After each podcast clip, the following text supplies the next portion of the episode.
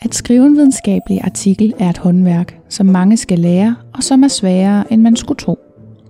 Det er ikke i sig selv en videnskab, og derfor er det svært at finde god litteratur om, hvordan man skal gøre. Så her er en helt uvidenskabelig podcast om videnskabens primære redskab, artiklen. Jeg hedder Anne Stine. Jeg er uddannet forsker og arbejder som epidemiolog inden for kvalitet i sundhedssektoren og som postdoc ved Forskningsenheden for Almen Praksis ved Syddansk Universitet. Med mig i studiet er Pia. Hun er postdoc ved Radiologisk Afdeling på Odense Universitetshospital, og Nina, som er medicinstuderende og i gang med sit speciale for Radiologisk Afdeling, også på UH. Velkommen til en podcast, hvor det sjoveste er intromelodien. Velkommen i Nørdeland. Hej. Ja, I er altid klar. Hej Nina og Pia. Hej. Hej.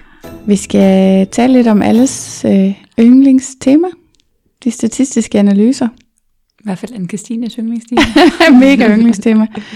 øhm, har I egentlig en plan? Vi har, Nej. ikke, vi har ikke lavet en øh, statistisk analyseplan. Nej. Ja. Nej. Nej. Og hvorfor er det nu? Jeg har lidt på fornemmelsen, hvorfor det er, I ikke har det. Skal jeg svare? Altså, hvorfor det ikke står i protokollen? Ja, for eksempel. Det ved jeg ikke. Jeg har ikke haft så meget at gøre med protokollen. Jamen, det var jo øh, fordi, at vi... Nina samler jo data ind, Mm. og øh, så skal hun aflevere sit kandidatspeciale, og så fortsætter vi, og Mm. så skal vi lave noget andet statistik til den Ja. ja. endelige artikel. Så i realiteten, så kommer du slet ikke rigtig til at lave statistik til den her øh, artikel, vel? Det bliver en case series. Nej, for det, ja, det er sådan noget deskriptiv data, mm. så det er sådan noget, Mm. øh, hvad hedder det, minen. Standard deviation. Ja. Ja, ja. Øhm,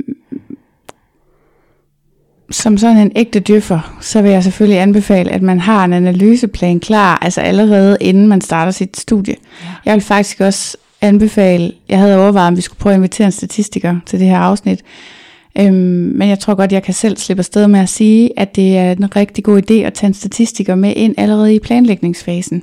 Mm. Fordi det er rigtig meget med det her med, øhm, for det første, den første analyse, man skal lave, det er jo en øh, sample size beregning.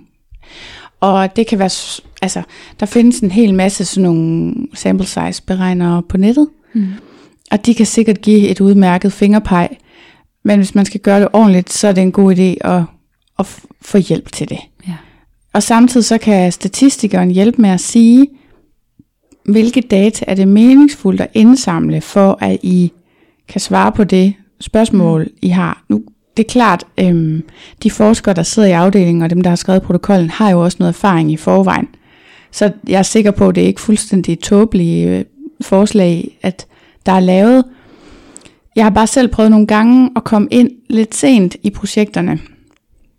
Øhm, blandt andet har jeg prøvet en gang, hvor at der skulle indsamles data hver anden uge, Mm. Øh, og så er det klart, i, hen over et år, og så er det klart, når man gør det, så er der mange, non, altså der er mange gange, hvor der ikke bliver svaret. Ja. For det er rigtig mange data at bede folk om.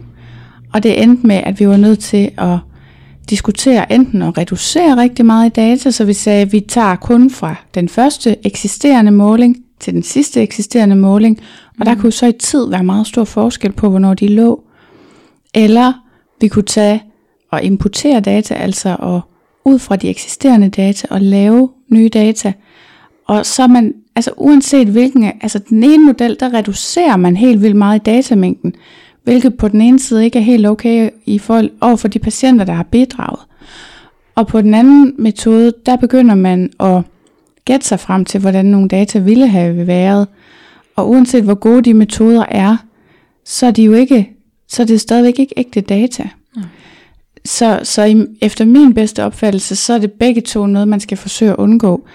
Og jeg tænker, I har den kliniske erfaring, der kan sige noget om, kan vi overhovedet få de her patienter til at svare på de her spørgsmål? Mm.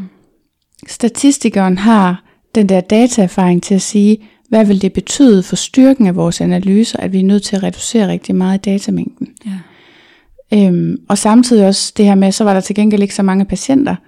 Så der var rigtig meget data, men det var på få patienter. Det gør jo, at, at, at risikoen for, at der er en eller anden form for bias, er jo større, især hvis man begynder at, be, altså det gjorde vi selvfølgelig ikke, Nej. men hvis man kom til i sine analyser og betragte de her data som uafhængige, Mm. for det er de naturligvis ikke, når de stammer fra de samme få personer. Ja.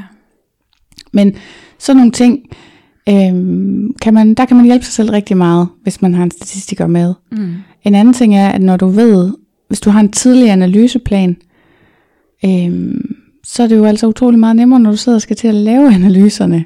Mm. Øhm, fordi det, der tit sker, hvis man ikke har det, det er sådan noget, som jeg lige har beskrevet, at man, man øhm, har På ind, fisketur. Jamen altså, at man havde indsamlet nogle gode data egentlig. Men fordi man ikke har forholdt sig til, hvilken analyse man vil lave, så er der ikke nogen analyse, der passer særlig godt. Mm.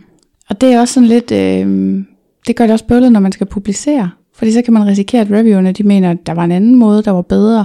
Og så skal man måske til at lave det om. Fordi tit, så, så kan det også godt være, at der er to måder, der kan være lige gode. Eller, altså det, nogle gange er det lidt religion. Og folk, de kan godt... Øh, folk har sådan en opfattelse af statistik som sådan noget, så er der to streger under facit. Og så, Øhm, og i virkeligheden, så, så synes jeg, at det jeg selv oplever, det er, at øhm, alle modellerne, de er ligesom forbundet med, at så er der nogle antagelser, man skal tjekke bagefter. Og så går man i gang med at tjekke antagelser, og så er det ikke dem alle sammen, der holder. mm. Og så skal man jo til at forholde sig til, hvad betyder det så for mine resultater? Øhm, og det kan man jo sagtens gøre, men det gør jo bare, at så er der ikke længere helt to streger under facit. Altså så er det jo en vurderingssag. Hvis øh, antagelsen om normalitet ikke holder, hvad så? Hvad betyder det så egentlig for vores resultater? Kan vi så stole på dem? Ville det være lige så godt, hvis, Mm. hvis vi havde haft normalt fordelte data, eller alt sådan noget. Ikke? Altså, man, man er jo typisk tage en anden analyse, men det kan faktisk være rigtig svært at finde en, der passer helt perfekt. Og vi har også sådan lidt off, altså uden for optagelserne har vi talt faktisk også en del om, hvilke analyser, der vil være passende for jer, og jeg synes, Mm. det kommer jo, altså det hele kommer an på, hvad for en variabel type I, I synes, at jeres outcome er. Mm. Så hvis det er i centimeter, så er det jo sådan en slags kontinuert outcome, så er det, Mm. så er det måske en regression, ikke også? Ja. Hvis I i stedet for øhm, betragter det som, hvad var det nu, vi snakkede om? Øhm, hvis, I, hvis I skal se på, om det bare bliver større eller mindre, Mm. så kan det være øh, en t-test eller sådan noget, ikke? Øhm, så det er, det, det, analysetypen afhænger jo helt af, hvordan I ser på de data, I indsamler, ikke? Og det betyder jo netop også noget, om I lige pludselig ændrer det fra at være, bliver den større eller mindre, eller om I kalder det en kontinuert variabel. Ja. Og det, der er stikprøven jo også afgørende, ikke? Mm. Fordi øh, antallet af patienter afgør jo, om I kan tillade jer at bruge en kontinuert variabel Ja. til outcome, eller om I er nødt til at lave den binære, ikke? Mm. Ja. Og hvis nu man som ung forsker, kandidat specialstuderende, ligesom Nina, eller yngre forskere, eller bare gerne vil skrive en artikel, hvor, hvor går du så hen for at finde, eller hvor anbefaler du at gå hen og finde statistikere? Universitetet har nogen. Ja. Er det, er det nogen, man bare kan... Det me, jeg mener i hvert fald, jeg ved ikke til speciale, men til når man skal være kandidat, Mm. eller hvad, undskyld, når man skal være PhD-studerende, så mener der følger noget statistisk vejledning med faktisk. Fordi det er så nemt, at vi sidder her og snakker og siger, altid brug en statistiker. Jamen, det er rigtigt. Det er rigtigt. Det er måske bare lidt svært nogle gange, når man sidder og tænker, Åh, Faktisk så, nu bliver det lidt lokalt, men der er Mhm. noget, der hedder OPEN. Ja. Odense Patient Data Explorative Network, står det vist faktisk for. Eller så er det lavet om, så nu er det ikke længere Odense, det står for. Det står for Open. Ja, Open Patient. Fordi nu er det Region Syddanmark, Ja. og det er det, jeg mener med det. Så, så det er lidt mindre lokalt, end det plejer at være. Men det er faktisk en fin, øh, en fin øh, biks. Mm. Det startede med at være et sted, hvor man kunne få opbevaret fysiske prøver fra patienter i nogle fryser. øh, også fordi, hvis nu nogle forskere havde taget en blodprøve og ville øh, lave nogle bestemte analyser, men der så var blod tilbage, så kunne nogle andre senere få lov at lave andre analyser på dem. Det er jo rigtig smart. Øhm, men det er så udvidet til, at det også er data, og de har faktisk også statistikere. Mm. Og hvis man har sit projekt over ved dem, så får man også, an, øh, så får man også lejlighed til at snakke med en statistiker om, Projekt. om projektet. Ja. Mm. Så det synes jeg også er en god. Altså kan man jo ringe til mig. jeg ved ikke, om jeg ligefrem vil kalde mig statistiker, eller det vil jeg ikke. Men jeg kender i hvert fald nogen, der Ja. så kan hjælpe, ikke? Ja. Ja. Og tit, hvis man har nogle vejledere, så er det tit sådan noget, Ja. ja. nogen, der kender nogen, der kender nogen. Mm. Og det er, det er selvfølgelig, øh, der, der bliver, øhm, de er eftertragtede folk, Ja. men, øh, men altså jeg tænker bare, altså hvis man så køber sig til fem timers rådgivning, Mm. så er de simpelthen godt givet ud. ja. Så det, det vil jeg, jeg vil sige, så, så google en på nettet eller et eller andet. Altså meget af det kan man jo godt finde ud af selv. Mm. Men lige at have en til at gennemgå og sikre, at man har gjort det rigtigt og skrevet det rigtigt og sådan noget, det, det, det vil jeg altså anbefale. Ja. Mm. Så bliver man jo også bedre, som tiden går. Ja, ja. Altså ligesom når man skal læst korrektur, så er det også, øh, bliver man også bedre og bedre til engelsk, så det bliver billigere og billigere, fordi det er ty- typisk timelønnet, ikke? Øhm, og det kan jo være det samme her. Mm. Ellers så skal I bare altid lave samme slags studie. Copy-paste. Også en model. ja. ja, har du nogle spørgsmål, Nina? Nej. Nej. Altså, jeg, jeg tror, jeg synes måske sådan noget statistik er sådan lidt, lidt uoverskueligt om, hvem, hvor meget man selv skal, Mm. kan. Du kan Øhm. alting selv. Jamen, det kan du. Og det er faktisk altid en god idé at prøve. Det er bedre at prøve det, fordi du får sådan en, du får sådan en føling af data. Mm. Og jeg vil sige, altså det første, når, jeg- når jeg sidder med et datasæt, så det første, det er bare at, at lave de der basisanalyser med variablerne. Prøv at korrelere dem alle sammen i forskellige sådan noget key anden test og t-test og alt sådan noget. Mm. Øhm, se på spredning og fordeling, få nogle grafer ud. Har altid for grafer for Ja, Mm. helt tosset med grafer. Øhm, histogrammer, hvis det er ja, ja. kontinuert. Ja. ja. Ja, så lav alt det der basis først. Så prøv at lave de analyser, du tror, der skal laves. Start eventuelt med dem, hvor du har lavet som om det er normalt fordelte data. Også selvom du måske ved, at dine data ikke er normalt fordelte. Mm. Alt det her, det sker der ikke noget ved. Du skal bare ikke rapportere det som sandheden vel. Altså du må godt lege med tingene, men det er klart, at, at hvis du skal følge det, som der står i protokollen, og det er også derfor, at protokollen bør specificere, hvad for nogle analyser, der skal laves, fordi ellers så risikerer man, at man kommer til at gå lidt på fisketur i data, og så lige pludselig finder du et eller andet, og så tænker du, gud, ja, så kan det godt være, det, at verden hænger sådan her sammen. Ja, det må vi hellere rapportere, ikke? Mm. Øhm, og det, det er jo ikke et fund. Det er øh, hypotesegenererende, det er ikke noget, du kan konkludere noget på. Så, så derfor så skal det, det skal beskrives på en helt anden måde inde i artiklen, som en eksplorativ analyse, der kan være hypotesegenererende. Mm. Ikke noget, der kan være hypotesebekræftende. Så, så der sker jo ikke noget ved at gøre det, og det giver bare en en føling med data. Øhm, og det giver, det giver dig en meget bedre fornemmelse, tror jeg, af, hvad de enkelte tests kan. Jeg ved godt, det føles som lang tid, man skal sidde og lave alt muligt. Men den der føling med data, den er virkelig svær at beskrive. Altså, og den får man af at lave de der indledende ting.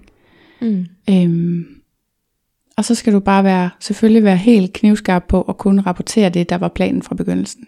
Mm. Ja.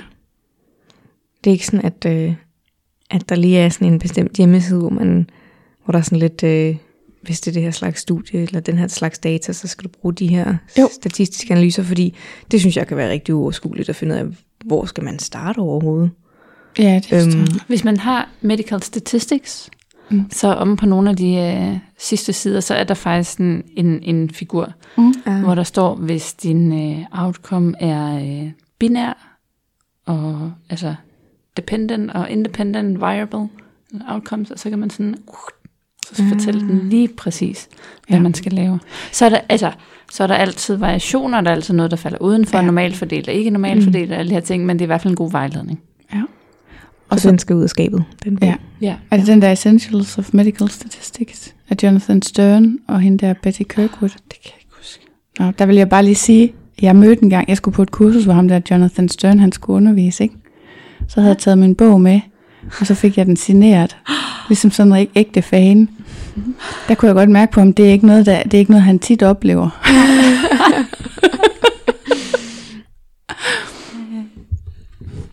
Jeg har lige googlet. Det er den, det er Ja. den, ja. Øhm, det er en god bog, men den er også lidt tung. Den er altså, også lidt tung. Men om bag, der har den det her opslags... Øh, Jamen i virkeligheden... Jamen, Men den er heller ikke kæmpe stor, Nej, så den er ikke nej. sådan faretroende på den måde. Altså, Nej, det er rigtigt. I forhold til nogle andre medicinbøger, kan være sådan lidt, Det kan- puha, ja. den her er 1200 sider lang, hvad sker der her? Ja. Så den er, jeg synes, den har været rimelig overskuelig, hvis man er ok kørende på engelsk i sådan noget. mm. Ja, og ellers så bliver man ok kørende på engelsk. Ja. Altså, sådan er det bare. Man må, det må man bare lære at bruge. Mm. Hvad hedder det? Og, og i virkeligheden, så er det også sådan, jeg gør med statistik. Altså, jeg slår det rigtig meget bare op Ja. i bøger, i den der bog, og på nettet. Ja. Mm. Og, øh, og så ser jeg sådan lidt, man kan også kigge i lignende litteratur, hvad har de gjort? Ja. Øhm, Og så er der noget af det, der hænger ved, når man har gjort det 100 gange. Ja. Altså. Ja, og så bliver det ligesom sådan en, altså, så, så har jeg en idé om, hvor jeg skal hen, og hvad jeg skal gøre og ikke skal gøre, og så er samtalen med statistikeren også lidt lettere, Mm. mm. ikke? Ja. Super. Godt. Jamen, øh, det var godt, vi lige fik det med, synes jeg. Har I andet at tilføje? Nej. Det er bare i orden. Tak for nu. Tak. Jeg håber, du har nydt denne lille bid af artikelskrivningens kage. Hvis du vil bidrage til podcasten, se hvad der sker bag om mikrofonerne, eller deltage i et fællesskab for nørder om artikelskrivningens fine kunst, kan du følge med på Instagram på profilen publipro.dk. Jeg har også en hjemmeside, den hedder også publipro.dk, og ellers kan du finde mig på LinkedIn eller andre sociale medier under Anne-Kristine Dyrvig. Tak for nu. Vi ses i Nørdeland.